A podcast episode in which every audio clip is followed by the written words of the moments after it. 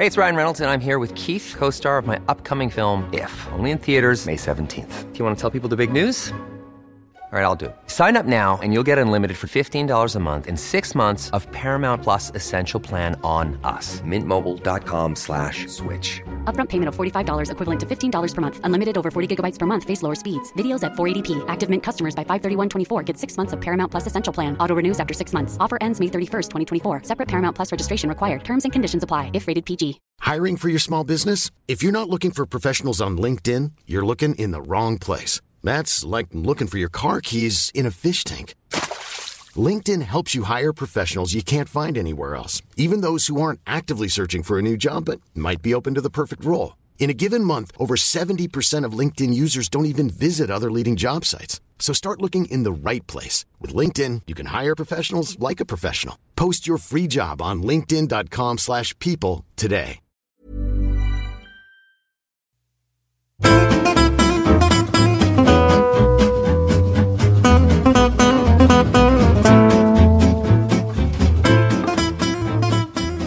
Om jag säger Roberto Baggio, vad tänker ni på då? Att det är så sjukt att du säger det. Vi har pratat om honom i fredags. Är det sant? Vad Ja. sa ni då? Alltså, det, det här är... På riktigt nu så är det här läbbigt. Och jag vet exakt vad du tänker. Om Roberto Baggio. Eh, du tänker att han missade straffen VM 94 och att det alltid är Roberto Baggio-figurerna som gör det. Det är Nikola det- Karabatic i Champions League-semin 2014. Det är Martin Dolk i semifinalen, eller i finalen, Svenska cupen förut. Och det är Alexander Bjärrenholt idag! Du läser mig som en öppen bok. När jag för en gångs skull har en skriven påa för ett eh, avsnitt och har tänkt att nu jävlar ska jag, nu ska jag spela lite boll här med grabbarna. Oj vad du läser mig Charlie. Det här var så kus. Vad sjukt att jag tänkte exakt det du tänkte förut. Vad stört det här är. Jag tänkte exakt samma faktiskt när jag var ute med Diego, men jag hade inte Baggio-kopplingen. Så du, där tappade du mig. Men eh, Men det var just det där med ja. att, eh, att det är de, alltid de stora namnen som till slut bommar. Ja. Men anledningen till att jag pratade om Roberto Baggio i fredags var för att jag var ute med eh, ett gäng polare och käka. Och så av någon anledning så började jag så här. Vilka är dina topp tre bästa fotbollsspelare? Alltså dina, ja, vilka är de bästa fotbollsspelarna genom alla tider? Ge mig din topp tre. Och alla vi som var ute var födda så här, mellan 83 och 86. Så att, av, av fem gubbar så hade ju jag tror alla fem hade Zidane. och, alltså, och det var så här. Och ehm, så, här, så var det, några hade Ronaldinho, någon hade Del Piero, någon hade Roberto Baggio. Kontentan är, ingen hade ju Maradona, ingen hade Messi, ingen hade Cristiano. Alltså alla hade ju bara det som var när jag var 12 år och kollade VM. Alltså för det är ju de Ja. fotbollsspelarna. Så där, liksom, då började vi prata om eh, Roberto Baggio. Men sen tänkte jag på honom idag som sagt. När Bjärrenholt bommade den sista shootouten mot Jenny Sandgren. Då tänkte jag på honom igen. Robban. Robban Baggio va. Ja, och jag tänker att vi kastar väl oss in precis i det matchögonblicket där då. När Jenny Sandgren räddar den sjätte shootout-straffen för sitt Önnered när de slog ut Skuru ur eh, Svenska Cupen och tog sig till Final Four. Det är ju ett lite luddigt upplägg för att så fort eh, en sån här eh, ja, avgörande match då. Vi vet ju då att om det blir så att eh, Önnered vinner den här matchen med två, då går det till någon typ av särskilt spel. Och kommentatorn var ju fin nog att reda ut att det går direkt till shootout. Så det visste man när man satt och kollade. Men sen var det lite luddigt så här. Är det tre shootouts? Är det en i taget? Eller är det... Men nu var det ju då. Först var det... Ja, det, det är det klassiska fotbollsupplägget nu då. Fem och så ser man vem som vinner på de fem, Fem? första. Ja, alltså så här. Ja, Aha, så som det tror det var liksom- tre. Det var ju det när ni, eller ja, du var ju inte med då, men när Hammarby spelade... Nej, vad fan, det var ju fem då. Jo, då var det bara tre jag för mig. Jag, då jag var känner- det tre som och det sen var blev det sudden death. Ja, Och Stian skit- Tönnersen trodde att det var en. Eller att det var golden goal direkt. Han, han trodde ju de hade vunnit. Alldeles oavsett hur det var så illustrerar ju det här att det har varit lite oklart hur många det är. Men nu var det det. Vadå, finns det oklarheter kring det handbollsregelverket? Ja, märkligt. Men nu var det i alla fall back to basics. Det var det upplägget som man vill ha. Fem och sen eh, sadden. Och det blir ju då lika efter de fem första. Och så skickar de fram Alexandra Bjärrenholt för att ta den sjätte. Och det vet man ju att kan inte skicka fram stjärnan i ett så avgörande läge. Kan inte skicka fram den säkraste av de säkra. För att hon kommer missa. Jag tänkte precis tvärtom. Jag sa högt i soffan. Jaha, nu får man välja vilka man vill. Då är det bara att eh, ta henne varje... Låt henne ta alla nu då. Tänkte jag. Hon kommer ju inte bränna. Ja, just det. Det, är för det var ju också lite luddigt att man, för så är det ju i fotbollen eh, i en turnering eller så att de fem första, när de har skjutits in, då är de brända. Då måste du gå på resten av truppen. Så det tyckte jag också var lite luddigt. Sen tyckte jag det var lite gulligt, det är väldigt mycket handboll, att eh, när de stod och tränade och körde snacket med tjejerna om vilka som skulle skjuta och inte, då kom ju domaren med en lapp papperslapp till Oskarsson Söder och sen till Berntsson också på andra sidan och bara Här har ni papper, penna, skriv ner vilka fem det är som tar så ska jag gå och lämna dem till sekretariatet. Det älskar man ju. Jag älskar också att kommentatorn var så här. Jag tyckte jag hörde nu att de sa i hallen att man ska välja fem till. Så att han trodde att det var bäst av fem igen. Och då tänkte jag, aha, ja, det är det väl då. Det låter orimligt, men det är säkert det då. Så att ingen vet. Men det var tydligen bäst av fem och sen sadden då. Det var ju alldeles glasklart med tanke på hur det utvecklade sig. Mm, men en rolig match. En, eh, ska vi säga... Fråga ett då till dig Charlie. Blir du glad när Önnered vinner en sån här? För att det så att säga stärker ditt tips om att ha satt Önnered som favoriter i år? Oj. Det var ju en eh, speciell fråga som jag inte tänkte de banorna. För Nej, jag blev nämligen bli- lite glad när Skuru ledde. För då tänkte jag, fan det här blir bra Jävlar. för podden. För, för då ska jag Charlie. säga till Charlie sen, ja men dina favoriter är ju inte ens i Final Four. Precis. Det som är gött är att de kan ju eh, torska hur många cupmatcher som helst. De kan ju ändå vinna serien. va? Just det. Så det är fort- fortfarande där de behöver leverera. Men eh, det var ju... Eh, det hade ju varit en eh, liten sån näsbrännare. De torskade premiären och sen hade de blivit utslagna i kuppen. Jag satt ju och tänkte på precis det här. Vad man skulle säga i podden om det hade hänt och så. Och det kändes ju som det efter match ett, tyckte jag framför allt. Att, eh, att de inte skulle lösa det Önnered. För då såg det ju ut som att Skuru liksom... Jag tänker att Skuru är faktiskt, oavsett om de åkte ut nu eller inte, så är ju de det närmsta vi kommer en eh, maskin faktiskt i, eh, i eh, handbollsligan dam den här säsongen. För de bara matar på och det fortsätter de med även idag. Det var ju, jämt, alltså det var ju liksom frilägessändningar från Jenny Sandgren. En 5-6 minuters period från Ellen Voutilainen som är typ det sämsta jag sett henne göra. Alltså det var liksom missar felbeslut i en radda som är så här. Hon brukar aldrig göra det i, ett, i slutskedet av matchen. Liksom, men i övrigt så är de ju så eh, jädra trogna sin metodik hela tiden. Som inget annat lag jag har sett den här säsongen. Så att de är eh, fan vad de inte går att räkna bort någonsin. Så jag trodde de skulle lösa det faktiskt, Guru.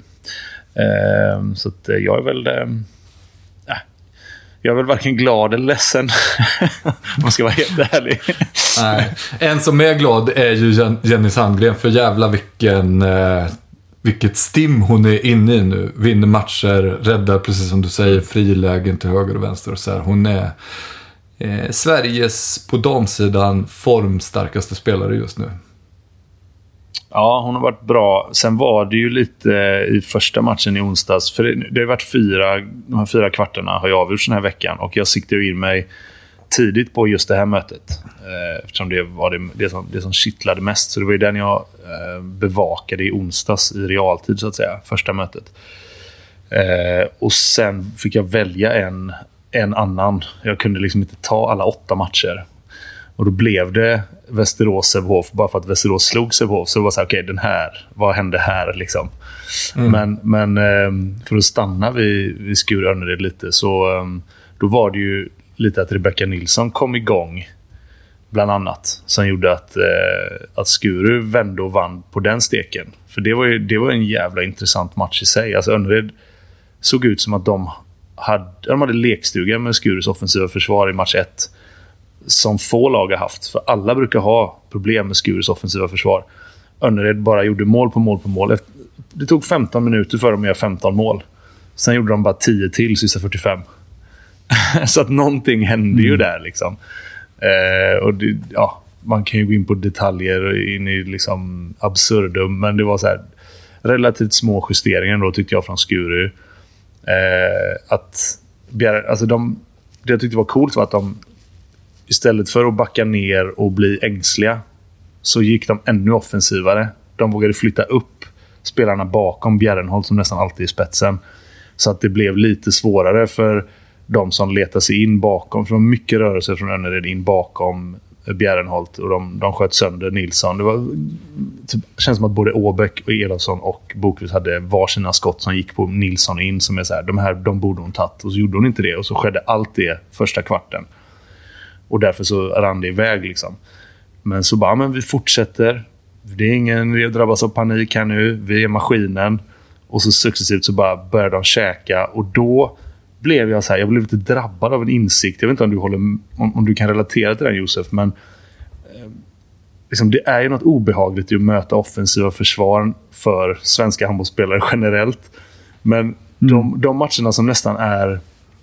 Eller liksom, ofta så är ju det kopplat till, för mig, matcher mot just Hammarby. Och det här att i vissa gånger när det har gått lite för lätt när man känner att... Vad fan, det var ju, det, den här gången var det ju svinlätt att möta Hammarby.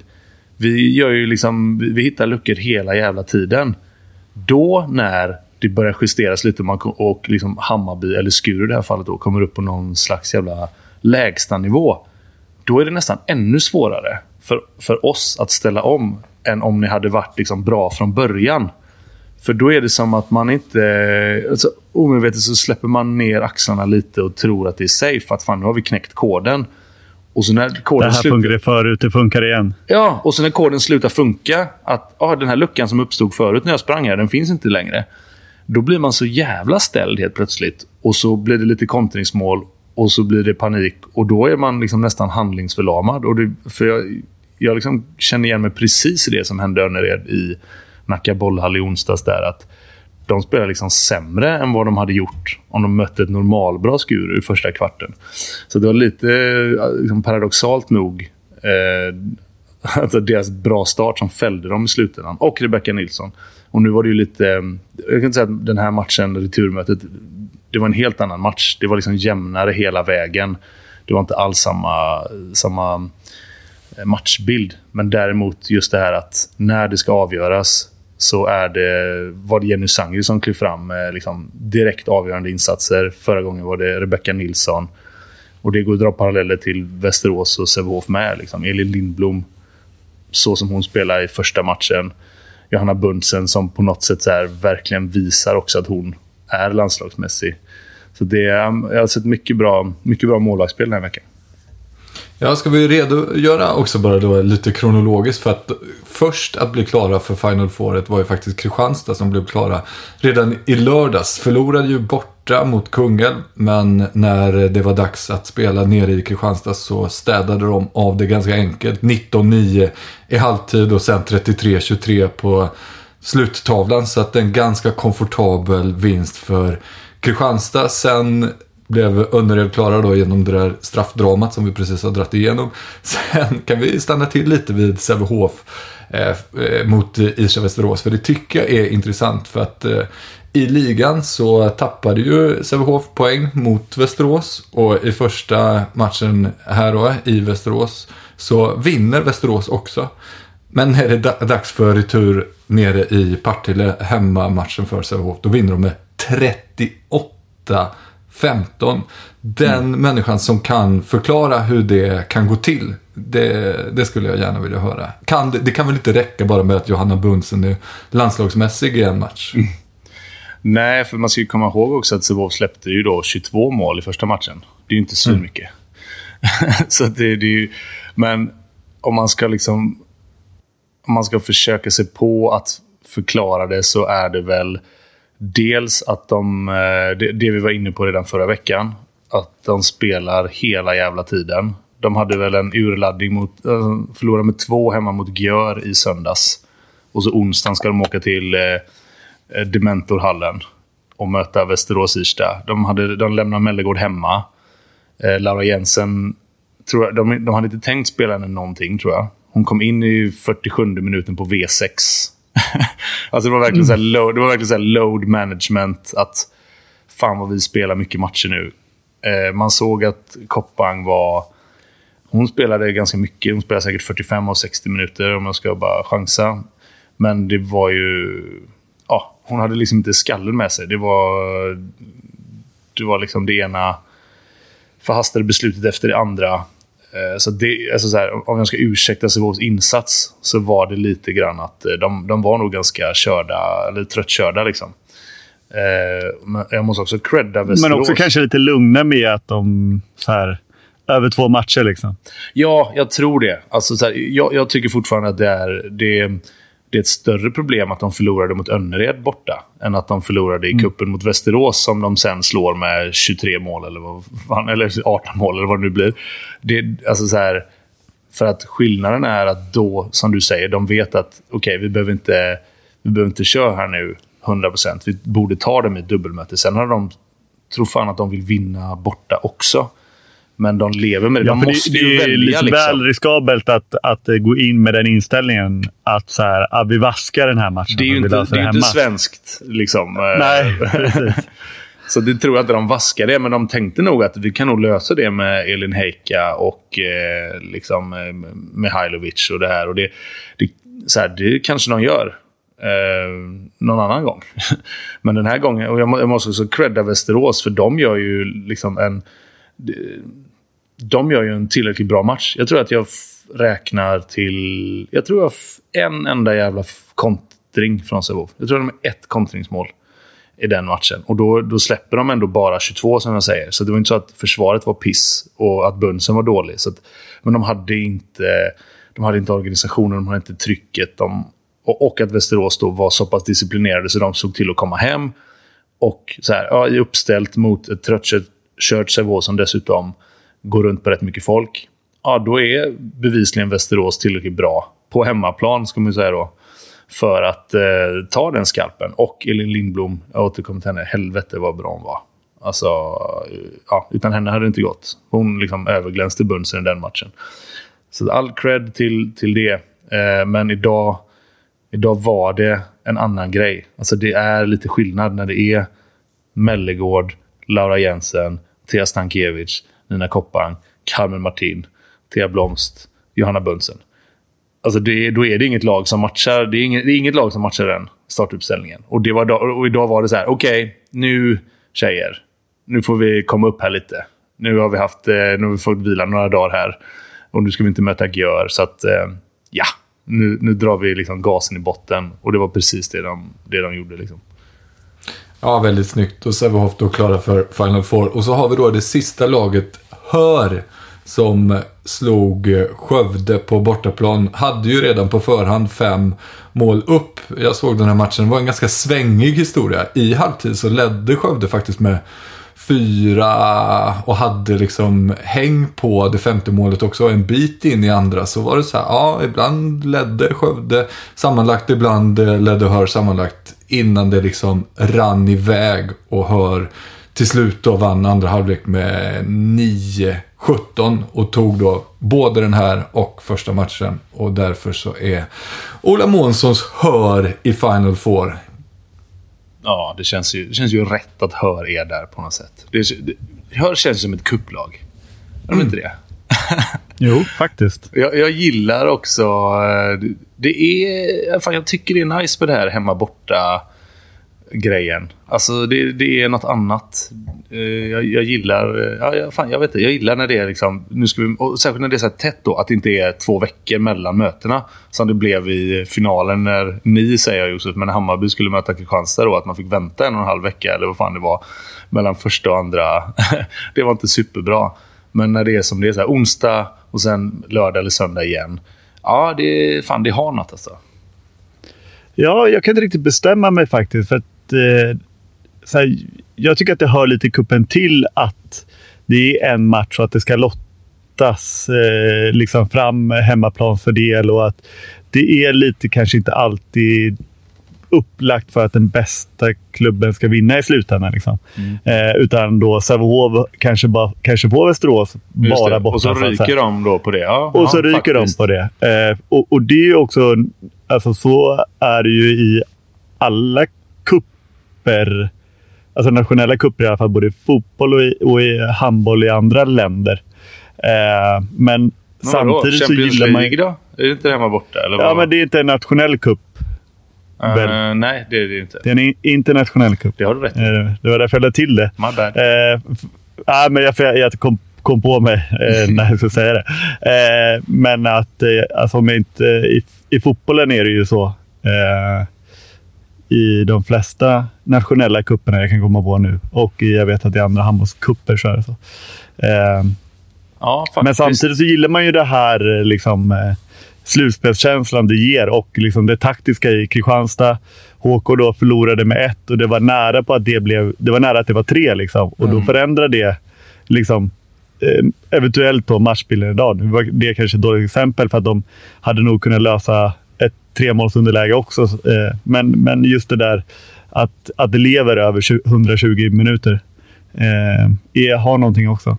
Men det, nej fan, det, det, du sätter ändå fingret på något där. Det är nog, det är nog mer att jag gillar... Alltså, Slutspel, liksom. Ja, Eller- precis. Att jag gillar tätt Ja. matchande. Att lag möter varandra på kort tid. Back-to-back-grejen är det nog jag gi- Alltså Ja. det här att fan, man har kort tid på sig att eh, justera något. Vad lärde vi oss? Och tre dagar senare så ska vi visa vad vi lärde oss. Men det är som du säger, det är nog mer att jag gillar slutspelsupplägget. Liksom. För det är som du säger, fan, Mm. det, är ju, det är ju något nice med... Det, alltså, Västerås hade ju slagit ut Sävehof.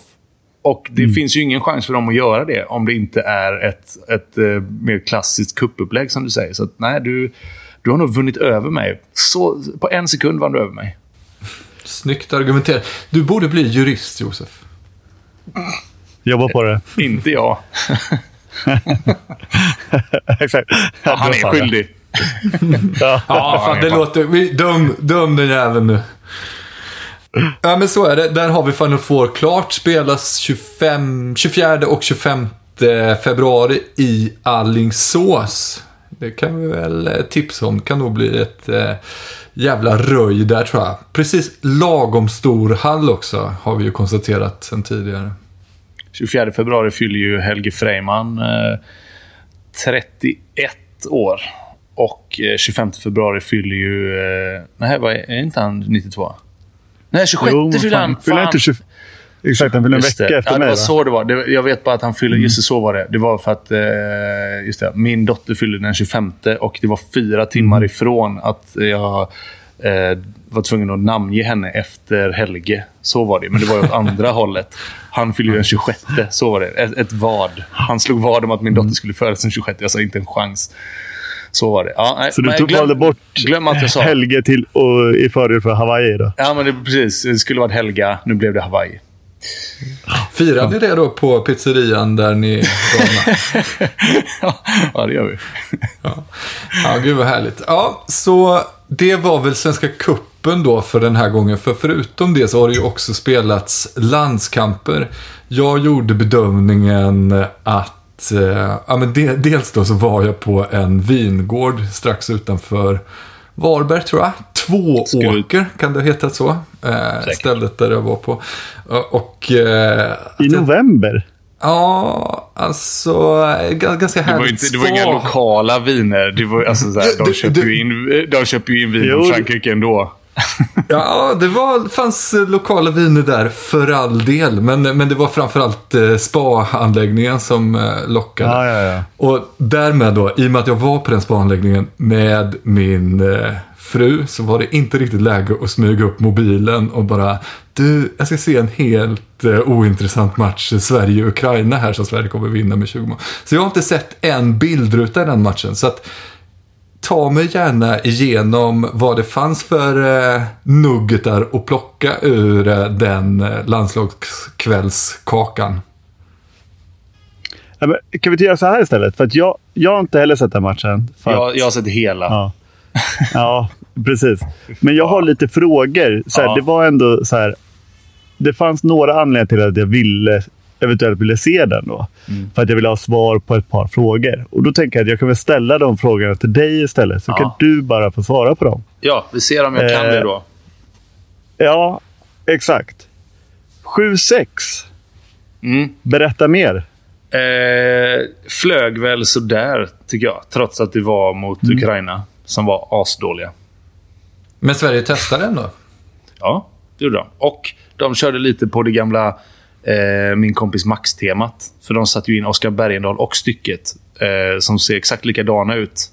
Så att eh, det går inte att se vem som är vem. Så det är en sån dubbelluring. Håll, eh, håll stycket! Nej, eller för... Så blir nu sa jag jätteförvirrat. stycket. Jag sa stycket och så var det Bergendahl. Istället för, istället för berget. Som Exakt. Stycket och berget där inne, ja. Det är som två karaktärer i en jävla Mighty Ducks-film, de två. Ja. Men eh, hur gick Vad var stycket då? Det, för det är min andra fråga. Mm. Liksom. Spelade han, han spelade lite bakåt om jag förstod rapporterna rätt. Ja. Eh, och eh, jag är ledsen att säga det.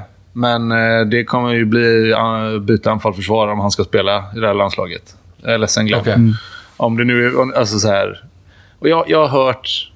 Jag har läst och jag har hört och så här att ja, det där med att stycket inte är en tvåvägsspelare. Han spelar faktiskt bakåt i Veszprem. Mm, jo, det kanske han gör i ungerska ligan. Eller så kan han stå på en tvåa då, möjligtvis. Fan vet jag. Men det, var ju, det såg inte superbra ut när han stod inne på trean. Då gjorde Ukraina mål. Så att, eh, det, men, men det är också... Alltså, sorry att jag är så rak och rätt fram. Men han har ju inte varit med i landslaget på tre år eller vad det är heller. Så ska han komma in och spela trea ihop med någon han aldrig har spelat med. Det är fine. Men med tanke på då att Sverige vann ungefär som Sävehof vann mot Västerås Irsta idag så var det ju inte så här superbra motstånd. Det var ingenting som... Eh, det var ingenting i liksom styckets spel bakåt som fick mig att tänka att men fan, här behövs inga anf- eller byten anfallsförsvar. Snarare tvärtom. Och... Hade jag en till fråga? Jag vet inte. Skulle det vara? Nej, det var det. Ja. det var nog det. Det var ju också det jag... Det var också det som var den stora grejen. Att jag ville se... eh, Ja, men jag ville... Ja, fan vad intressant. Man vill ju ha svar på eh, stycket. Man vill ha... Man ville se liksom, om det fanns något nytt. Och det var precis de grejerna. De spelade lite 7 mot 6. Eh, försökte få in stycket lite grann. Såg inte superbra ut. Men alltså, så här, jag tycker ju fortfarande... mm, Trots lilla, lilla sågen här då, så tycker jag fortfarande att eh, vår bästa mittsexa offensivt ska vara med i landslaget. Så att det, det Japp. kan han väl vara. Ja, men för det säger ju ändå någonting om att... Eh, jag kommer inte ihåg om vi har varit kritiska om, eh, kring det. Det har vi säkert. Men att så här, Sveriges landslag under Glenn har ju varit väldigt... Eller ganska endimensionellt, så att säga. Alltså, det eh, har ju gjort det fantastiskt bra. Det är inte det jag säger. Men det har varit samma, gubbar, samma gubbar, more or less. Och de har spelat på exakt samma sätt under de här tre, fyra åren, vad det nu blir. Eh, men det, så det man ju egentligen kan, då, kan ta med sig, för det pratade vi lite om, eller det var ju en stor del av kritiken efter förra mästerskapet, att liksom, det fanns inget alternativ. Spanien då som vi eh, förlorade mot i bronsmatchen, de eh, ändrar, går upp i ett aggressivt 5-1 liksom, och, och Sverige hittar inga lösningar på det. Och nu då så har väl Glenn då kommit till insikt sent omsider att vi behöver fler eh, lösningar. Och då är ju då 7 mot 6 är ju ett givet eh, alternativ framåt när det kör ihop sig då som det gjorde då förra mästerskapet. Och eh, Andreas Nilsson är ju en, en, eh, en spelare med en spetskvalitet då som vi väldigt gärna vill, vill, eller vill kunna dra nytta av. Så att eh, det är väl egentligen det faktumet som man kan ta mest av den här i övrigt ganska värdelösa landskampen. Precis, och båda, båda de grejerna testade de och det är ju bra. Eh, sen, men, men det föder ju lite också nästa fråga. så här eh, Varför man väljer att spela en enda... Börja nu? Va, nej, ja, dels det. Men Ja, varför, nej. nej. men hellre sent än aldrig. Så jag kommer ju liksom inte så här... När de väl börjar kommer jag inte gnälla på att, att de gör det. Men däremot så här, de väljer att spela en match på det här uppehållet. Och det är en helt meningslös match. Eh, jag, jag, vet, alltså, jag har själv ingen riktig åsikt om jag tycker det är bra eller dåligt. Mer liksom ett intressant val sådär. Om man behöver... Så jävla många chanser finns det inte, menar jag, att spela ihop. Eh, vare sig Andreas Nilsson i ett eventuellt försvarsspel eller det här 7 mot 6 Men det kanske är att de lägger as mycket tid då på att träna istället. Det har jag inte någon aning om. Men det, jag tyckte ändå det var lite intressant att man väljer att spela mot Ukraina. Och det är enda matchen man spelar. Jag förstod det som att de spelade en intern match gult mot blått med riktiga domare. Och eh, Ja. hög in- intensitet och sådär. Det gav Så att nog mer. kanske hade de någon sån idé om att eh, mer köra det där. Och kanske också om man spelade långa spelet då. De kanske inte ville visa Danmark eller Spanien eller Norge de här nya grejerna de vill testa då. Utan de kör det lite mot Ukraina, bara få känna på det mot något slags motstånd. Och sen köra det in, i internmatchen då för att få det liksom lite mer vältrimmat. För jag kan tänka mig att det blir en jävla prestige i en sån match. A mot B-uppställningen eller vad man nu ska kalla det. Ja, och plus att eh, om man nu ska ta de vinkeln och att det är, ett, så här, det är ett väldigt tufft matchande för en trupp. Eh, liksom att Alla de som, spelarna eh, som är med. Ja, Mm. och så, så- precis. Så, så att göra likt då Norge-Danmark eh, som spelar tuffa matcher mot varandra liksom, kanske sliter mer än vad det ger. Och eh, så här, hade Sverige mött, eh, ja, men, säg Frankrike då, då eh, och testat det här 7-6 och det eh, och eh, Andreas Nilsson i försvar. Och det och torska med 15. Liksom. Då hade det kanske kostat mer än vad det, vad det smakade.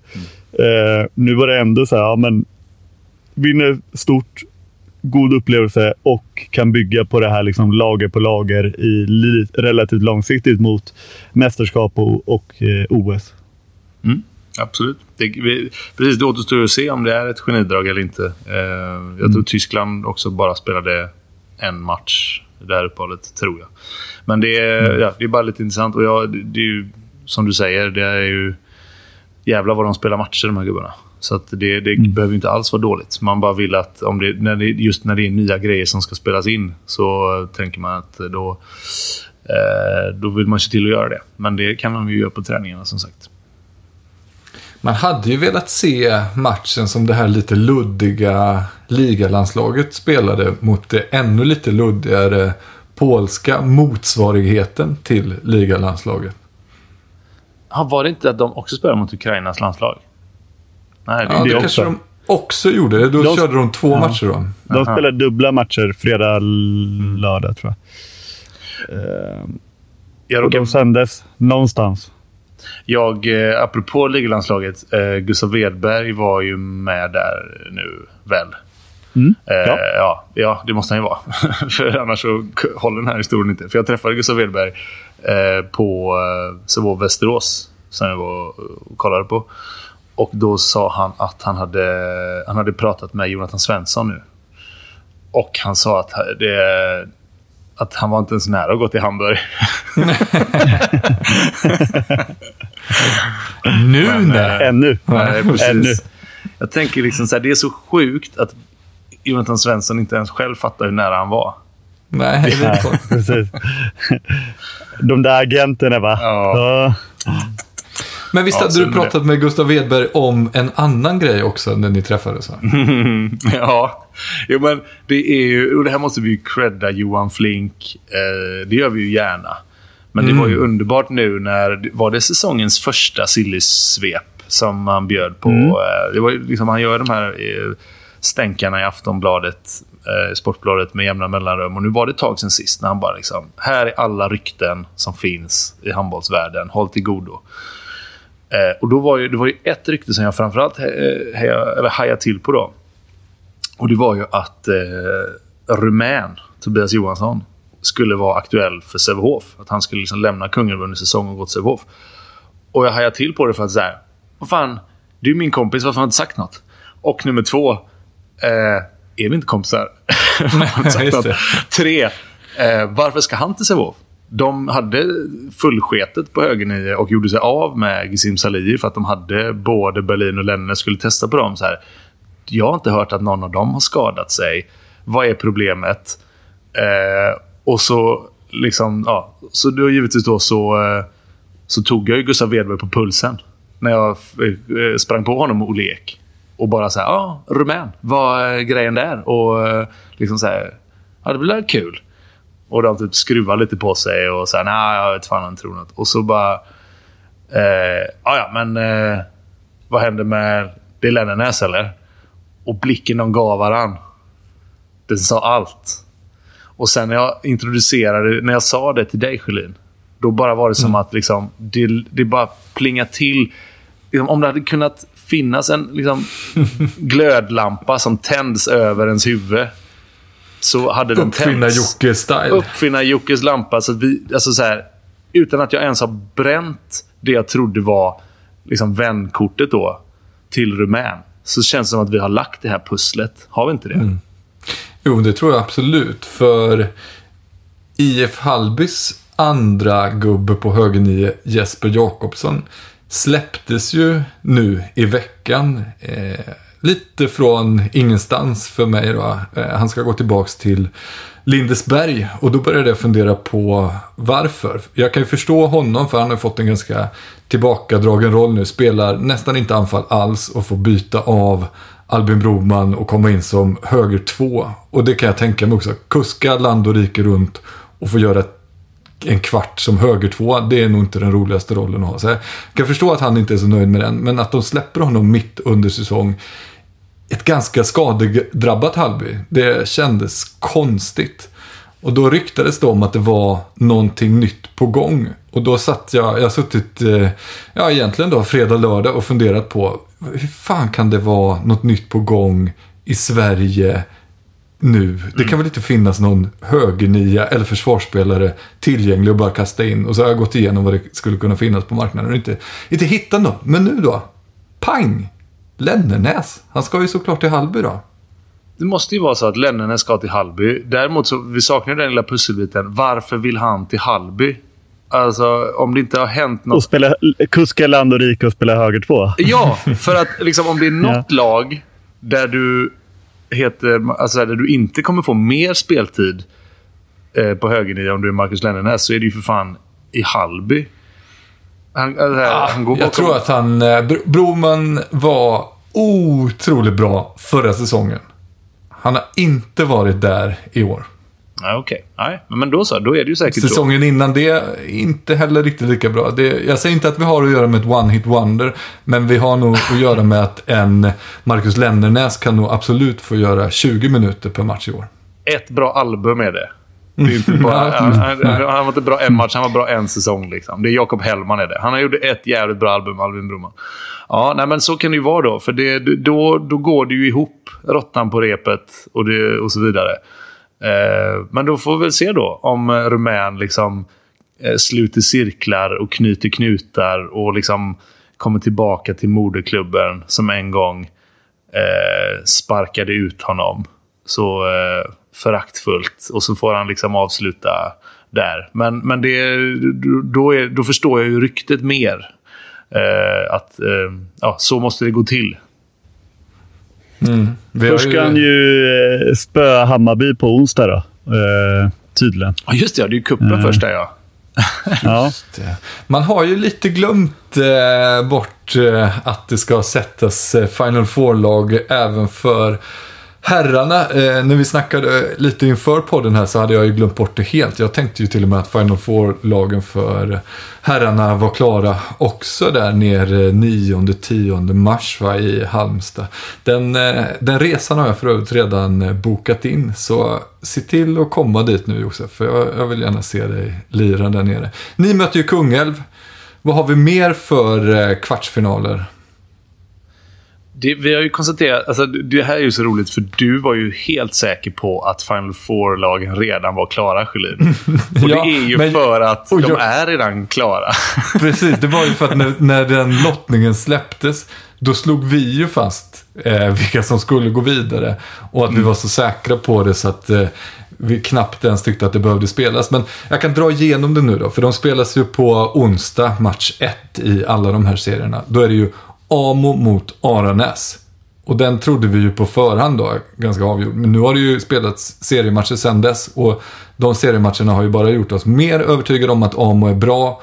Och mindre övertygade om att Aranäs kommer utgöra ett stort hot i det dubbelmötet. Sen har vi Kungälv mot Hammarby och jag vad du Josef och vad Patrik Fahlgren än vill säga så är ju ni storfavoriter där. Och Josef, eftersom du har tippat er i SM-final så måste du väl ändå också tippa er i Final Four i kuppen. Sen har vi Ystad IF mot Sävehof.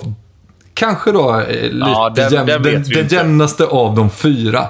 Men än så länge i serien har ju inte Ystad Nej, ah, fan, det tycker inte jag. För det sista måste vara Kristianstad mot... Önnered. Ja, just nu håller jag nog den eh, jämnare. Ja, vänta här nu. Eller vad fan... Alltså, vänta här nu. Du tror, du tror Önnered har större chans att slå ut Kristianstad än Ystad mot Sävehof? Ja, jo men det gör jag fan. Ja, det gör jag. Jo, det gör jag. Wow! Ja, det är ju du som är mästertipparen här. Jag tror att Kungälv... Ni kommer Ja. ju förlora första när Rumän är med i Kungälv. Sen kommer han ju byta... Får han spela Ja, sen kommer han, cupen sen, då? Sen spela kommer han spöa? Ystad. Precis. ja, hur fan funkar det? Får han spela returmötet då med Sävehof? Ja, det ehm, är lurigt. Du tror Önnered alltså? Ska du ta ut dem? Nej, det tror jag inte. Nej, Nej, jag tror att de har större chans bara. än Ystad har mot Sävehof. Men det är ju, det är ju ett Ja. underbetyg till Ystad. Mer än att du tror att Precis. Önnered har vaknat till, eller? Ja, precis. Okej. Och att Kristianstad, Kri- äh, Kristianstad är liksom, Just det. Ja. De är lite överskattade. högt och lågt. Mm. Högt och lågt. Ja, nej, det ska bli spännande i alla fall. Se Mm. framåt. Se framåt. Sen Eh, förutom... Apropå Aranäs. Eh, jag, jag kom på en, en eh, liten grej. Eh, som jag tänkte vi faktiskt kunde, skulle kunna prata Mm. Vi ska ju gå igenom om. dem. Ja, men, och det gör vi inte den här veckan. Ja, det gör vi absolut Nej, inte vi den tar här det när veckan. vi tar Mälsungen-avsnittet. Precis. Men däremot så såg jag en rubrik i Norra Halland för typ eh, någon vecka sedan eller två. Eh, där de försökte då reda ut HK Arnes märkliga eh, Sociala, sociala, medier. medier-uppdateringar. Eh, som ju är skrivna på ett väldigt märkligt eh, på väldigt märklig svenska helt enkelt. Och eh, det finns ju en, en förklaring för. Det är ju för att det inte är Aronäs som skriver dem, utan det är ju eh, israelerna eh, på Infront eh, som gör. Det är väl nå, någon AI-variant liksom. Och det fick mig att eh, reagera för att det är vissa klubbar, alltså Hammarby då, eh, som exempel, då, de skriver ju inte alls så där eh, konstigt. Utan där står det ju som på riktig svenska eh, i, i den uttrycksformen som Hammarby brukar använda sig av. Eh, så att uppenbart så är det ju så att det går att, det går ju att redigera de här texterna så att säga. Någon, det är ändå någon i varje klubb som tycker OK, eller vad det nu är, för att ladda upp det här. Eh, och vi pratade ju inför säsongen det här kring att eh, ja, det här kan bli så bra. va? Nu, kom, nu kommer klubbarna få bli fullsketna med klipp på sociala medier och, och eh, det, här, det här finns det möjligheter för klubbarna att eh, utnyttja det här och sprida sig och, och skaffa ny publik och bla bla bla. Men nu då när en tredjedel ish av serien har gått och vissa klubbar inte ens bemöder sig om att liksom redigera den helt eh, tokiga texten som ibland kan vara. Alltså den kan vara så kanske- tondöv, tondöv så att det finns inte. Ibland så kan det ju vara en förlust med fem bollar och så bara Yeah! Gå in och kolla våra mäktiga räddningar mot... Så bara, vad fan håller ni på med? Ni har ju torskat. Ja, men exakt. Men är det inte sjukt att... Alltså jag fattar ju, det handlar om resurser hos klubbarna. Men är det inte sjukt att klubbarna inte ens bemödar sig att liksom försöka utnyttja potentialen i det här? För det faller ju platt såklart när det blir så där helt eh, snett. Mm. Men jag har hört, alltså, eh, inte för att liksom eh, försöka bromsa din aggressiva rant här nu. Jag är alltid för en sån. Men jag har hört att, att eh, tvärt vad du säger där, att... eh, Att det inte går att ändra, ja. Ja, det har jag hört. Det har jag också ja, hört. Men bevisligen så du som då ingår i en klubb där det finns sociala Exakt. Jag- jag det, ja, precis. Exakt. Ja, för, exakt för Jag dubbelkollade ju det. Ja, för det, det jag har Ja. hört då, eh, som du kan skjuta ner, är precis motsatsen. Att liksom så här, eh, på Sävehofs eh, Instagram så är det så här. kolla alla läckra räddningar. Och så är det fem mål och ett block, inte en enda räddning. Och, så här, och om Sävehof ska ändra det så kan de inte ens göra det. Utan då måste de ta kontakt.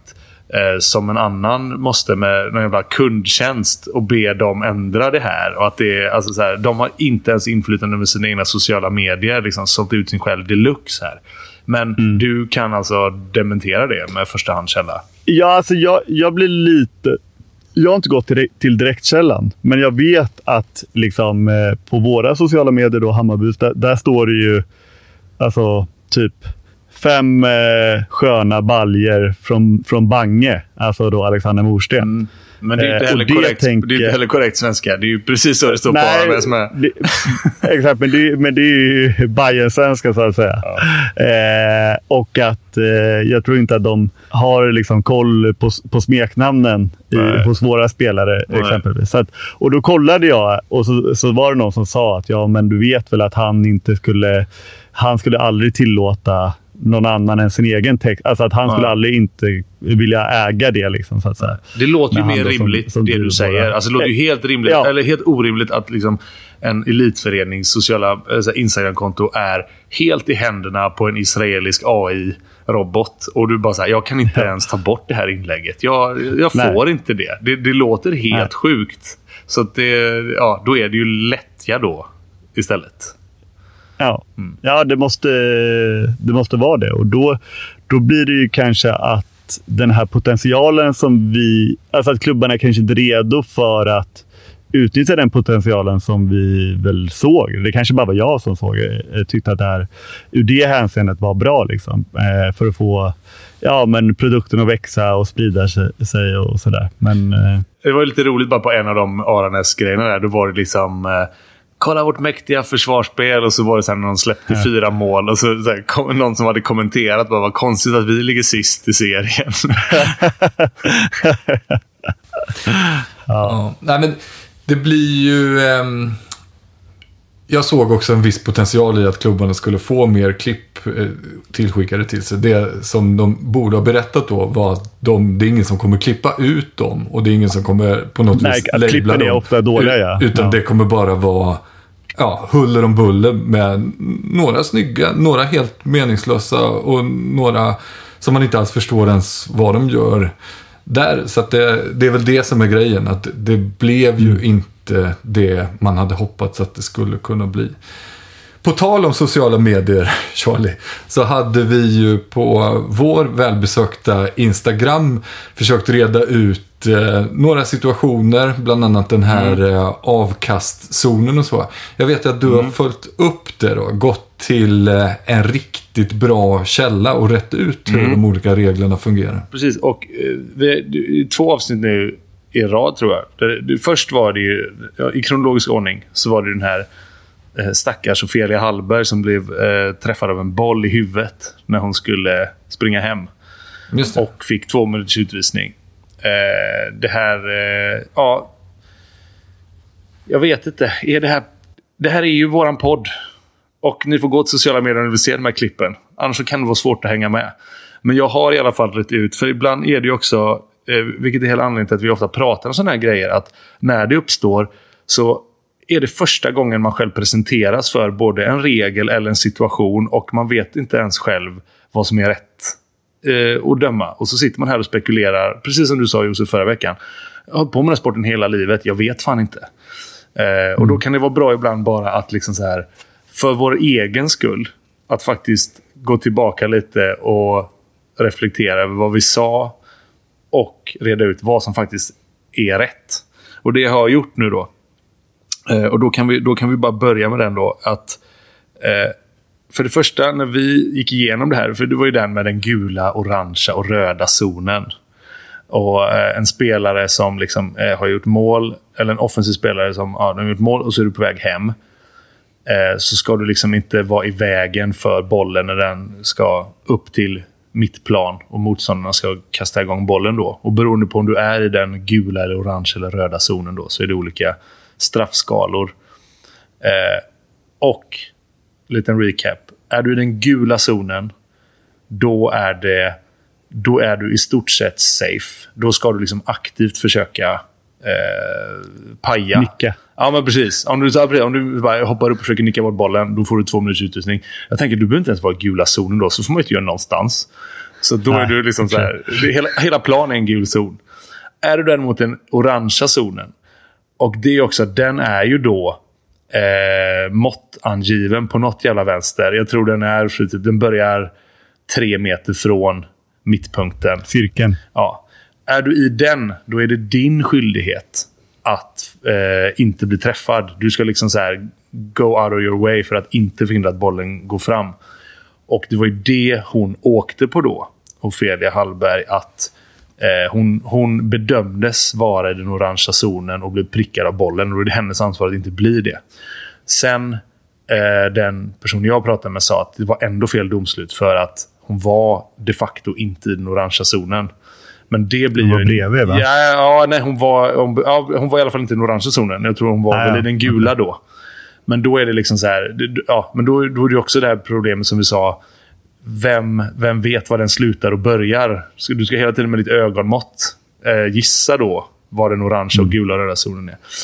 Men så är det i alla fall. Och hon... Eh, Självförtroende på din, på din källa och säga då att eh, det Ja, absolut han, var ja, utanför. Ja, men han har väl sett situationen eh, och eh, vet att eh, i eh, Färs och Frosta heter den inte längre, men Sparbanken Skåne Arena. Där började den orangea zonen vid eh, Lunnamälle-reklamskylten och hon var utanför. typ. Så att, eh, därför var det felaktigt dömt. Men hade hon varit i den orangea zonen så var det rätt dömt. Jag vet inte om det blev något klarare av det här. Men, men så var det i alla fall. Sen var det ju den vi pratade om förra veckan. då. Och här, Den här tycker jag är desto mer intressant. För då var det ju det att eh, Alingsås hade kvitterat sent mot Amo. Målvakten är inte i mål. Amo ska ta ett snabbt avkast och, och skjuta mot öppna målet. Mattias Pedersen i Alingsås försöker täcka det här skottet. Eh, och är då i vägen för den som tar avkastet i Amo. Jag vet inte ens vem fan det är. Och det här det snackades om att Amo då skulle lägga in en protest. Eh, för att då de anser att Mattias Pedersen befinner sig för nära den som eh, tar avkastet. Det var ju det som var, var väl hela liksom, grunden till att de ville lämna en protest. Och då kan jag ju säga att, och det här är jävligt bra för mig att veta också, att han, han kan vara en millimeter från den som tar avkastet. Det har ingen betydelse. Så länge han inte blir träffad. Eh, nej, han får bli träffad. Utan nyckeln här, Josef. Vilken är det? Den imaginära cylindern. Ja, ja, ja. Så, länge, så länge jag som försvarare befinner mig utanför den. Eh, då kan jag täcka hur jävla nära jag vill. För jag Ja, trodde att det det, fanns... tydligt, jag, ja, för, jag, för jag trodde också att det, att det var så här. Ja, han är utanför mittcirkeln, men han är närmare än tre meter. Och Jag vet inte varför jag har fått för mig att det ska vara en grej. Men det är nog att det sitter i ryggmärgen att man ska vara tre meter ifrån på frikast. Att det är någon sån grej. Att det lever kvar. Att det, Mm. man ska hålla det avståndet.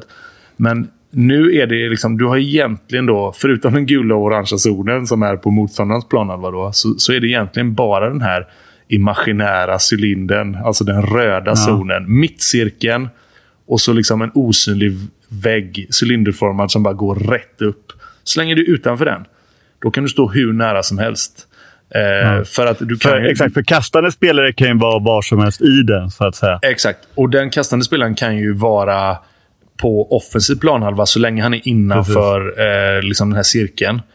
Men så fort bollen, alltså om bollen är 5 cm utanför den och jag står 5 cm utanför den och täcker, då har jag inte begått något som helst fel.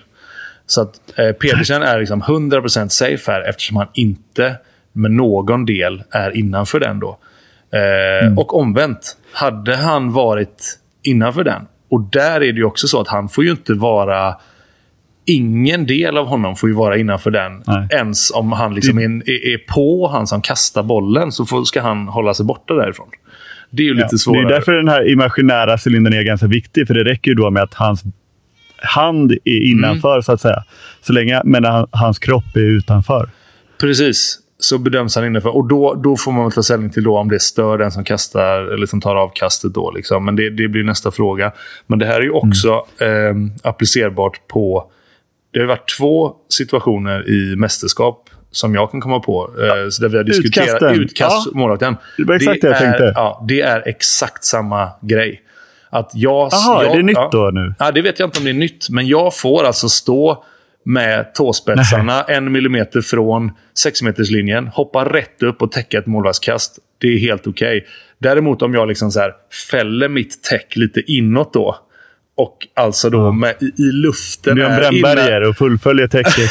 ja, exakt. Jag fullföljer Den täcket. imaginära halvmånen som är Ja. straffområdet då. Mm. Den pratas det alldeles för lite om, den imaginära halvmånen. Men den måste vara ny den i, i imaginära halvmånen. För så som jag minns det när Holland då... Spanien åkte på det här mot Holland var det va? Mm. Att då var det... Då var Något- det nog att hon var liksom i precis... Att hon, hon, hon gjorde en liten, liten anstiftan till en fällkniv så att fingrarna då var Ja. innanför den imaginära eh, halvmånen. Jag tror det var det hon åkte på. Eh, Okej. Så det här är ju... ehm, det här är ju bra. Och sen kan man ju bara då... Eh, nu spelade det ju ingen roll i det här fallet, för Pedersen hade ju varit safe ändå, för han var utanför den röda zonen. Så det var fine. Men liksom värt att förtydliga då att om det inte är någon målvakt i mål, så är det alltså, om, om han hade varit då innanför den röda zonen och begått ett fel, då är det två minuter och straff. Om det hade varit ordinarie speltid fram till 59.30. Då hade Pedersen fått två minuters utvisning och Amo hade fått eh, straff. Hade det varit sista 30 så hade det varit rött kort och straff. För att då bedöms det som, eh, då bedöms det som liksom osportsligt och spelförstörande. Om målvakten är i mål, Alltså det är inte 7 mot 6 eller något sånt, utan det, det står en målvakt i, i mål precis som vanligt. Då hade det varit två minuter och frikast eh, på en sån här förseelse under ordinarie spel, det vill säga fram till 59.30 på matchklockan. Sista 30 sekunderna, rött kort och straff. Oavsett om det är en målvakt i mål eller inte. Så för då, då, liksom, då, då kickar den att då är det spelförstörande, eh, osportsligt under sista 30 Alltså, sekunderna. Det, det automatiskt. trumfar allt annat. liksom. Ja, det blir, det blir straff ändå. Det ja. blir straff det ändå. är ju lite märkligt. Sista, ja, sista, Eller, precis, det sista, sista 30 så blir det straff oavsett om du har målvakt i mål eller Ja. inte. Liksom. Men det är en skillnad eh, fram till 59-30 på de två annars. Men kan du reda ut det här? Då? För det här eh, vill jag minnas var när de här sista 30 sekunderna när det eh, dök upp för några år sedan. Mm. Just det här med frikast och eh, avstånd. Mm. Eh, alltså om du har ett frikast då, eh, klockan är 59-58 till exempel, Mm. och du vill skjuta fort innan eh, då det, eh, visslan ljuder. Att då måste det vara tre meters avstånd till eh, försvaret. Mm.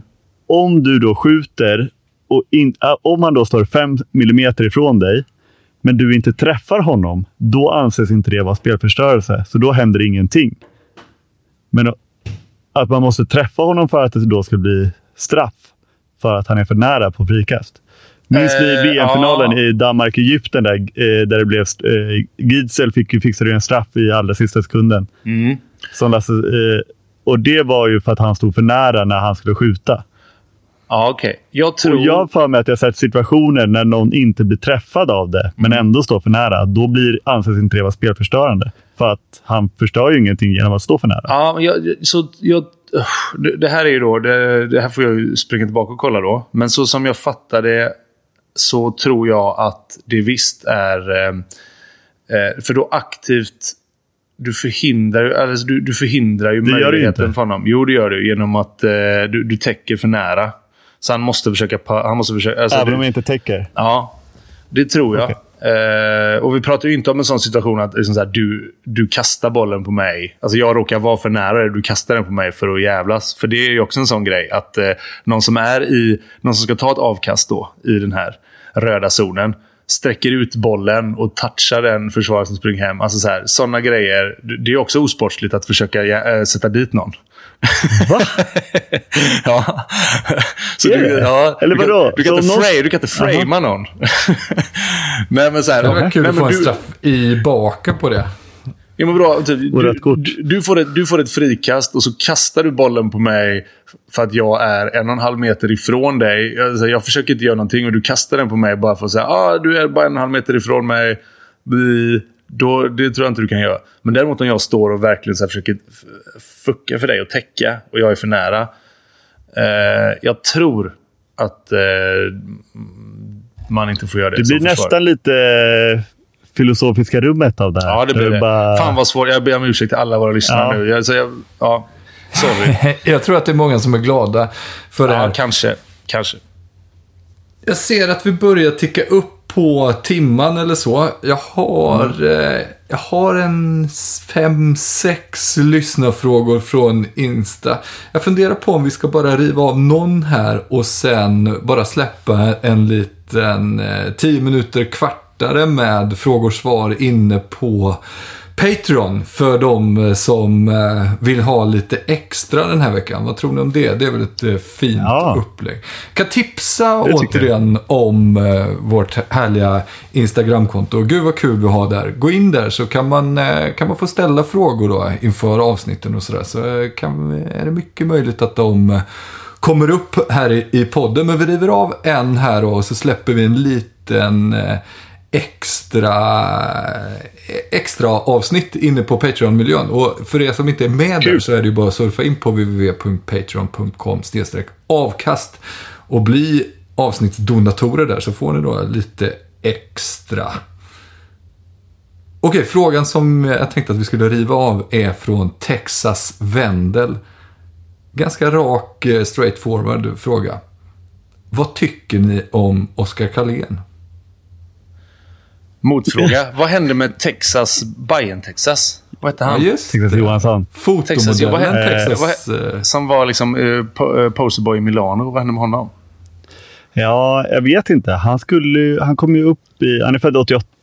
Lite bakgrundsinfo. Född 88 i, i, och kom upp i Hammarbys eh, A-lag då när de vann SM-guld de här åren. Eh, och sen så när de skulle åka, jag tror att de skulle åka och spela semifinal mot typ RIK. Liksom. Så kom, eh, kom eh, de till bussen och, och så Staffan kom och så undrade vad fan är Texas? Då hade han dragit till Milano då för att gå catwalk eh, för typ Dolce Gabbana eller något. Så det blev inte så mycket mer handboll för honom i Hammarby. Och efter det så var det en ganska framgångsrik modellkarriär med catwalks i Milano. Alltså, Men det, det är väl en ganska kort livad karriär generellt och det, jag tror att den är över även för Texas. Jag vet att vi, alltså i den vevan, eller där någonstans, säg någon gång mellan 2007 och 2010. Så var Mm. jag och min eh, dåvarande sambo, nuvarande fru, på eh, semester på någon av de här jävla charterorterna i Turkiet. Och då var Texas på en stor jävla vepa på en hel jävla hussida. Så. Det var han. Texas, som hade, man har sett i Skandinavium och mött och bara, vad fan är han här? Men Oskar Carlén tycker jag om. Nej, det, det är inget, inget fel på pöken. Han har Vad bara ett minus Nej. tycker jag. Ja. Ja, det Dialekten. Nej, ja, okej, två då.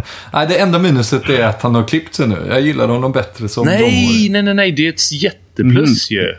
Ja, jag tycker sig. också om. Jag tycker också om när han har glasögon på sig. Tycker jag. Ja, det har du verkligen. Om vi nu ska vara lite utseendebedömande sådär. Om vi hade eh, filmat våra poddinspelningar, som eh, jag har förstått att många gör, då hade jag kunnat bjuda på min bästa Oscar Carlén-imitation. För den är inte verbal. Det är... Eh, hur, alltså så här, om ni ser den, så ni vet hur han... Alltså så här, det är min bästa imitation Men av vi Oscar har ju ett Instagramkonto. Du kanske kan spela Ja. in den och så kan vi skicka dit den. Min, min tänker jag gör den för er, finaste... grabbar. eh, Första gången jag träffade Oscar, det var när jag var hemma och skulle hälsa på pappa Kalén, Per Kalén.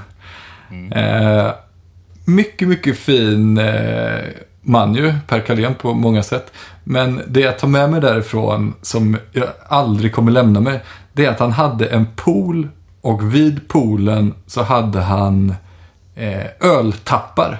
Han kunde få stor stark direkt till poolen. Det är ditt bästa minne av Oscar Carlén. Hans pappa. Ja, Oskar bodde ju där hemma då. Jag tror han hade liksom sitt rum ovanpå garaget om jag minns det rätt. Under tappen hade han. I närheten av tappen.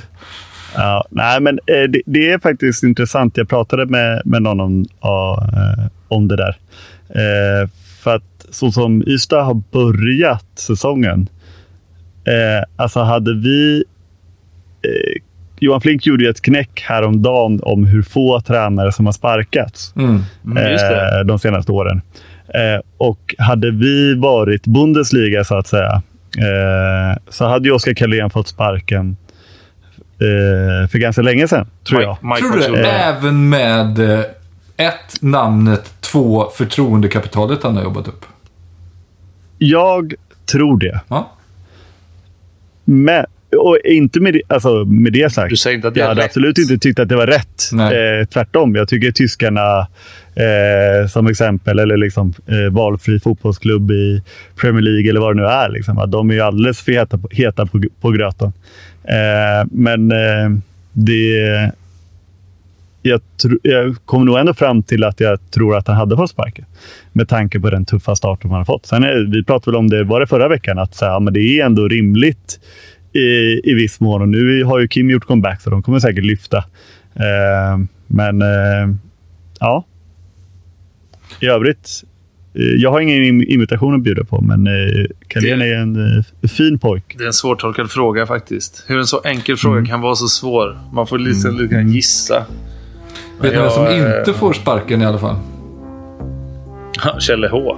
Mm. Kjelle Höglund. Här kommer han igen. Genesarets sjö. Tack för att ni lyssnar. Hej, hej. Rötterna blir starka när det blåser Luften blir friskare när åskan går Det blåser på Genesarets sjö och likaså på Galleriebleu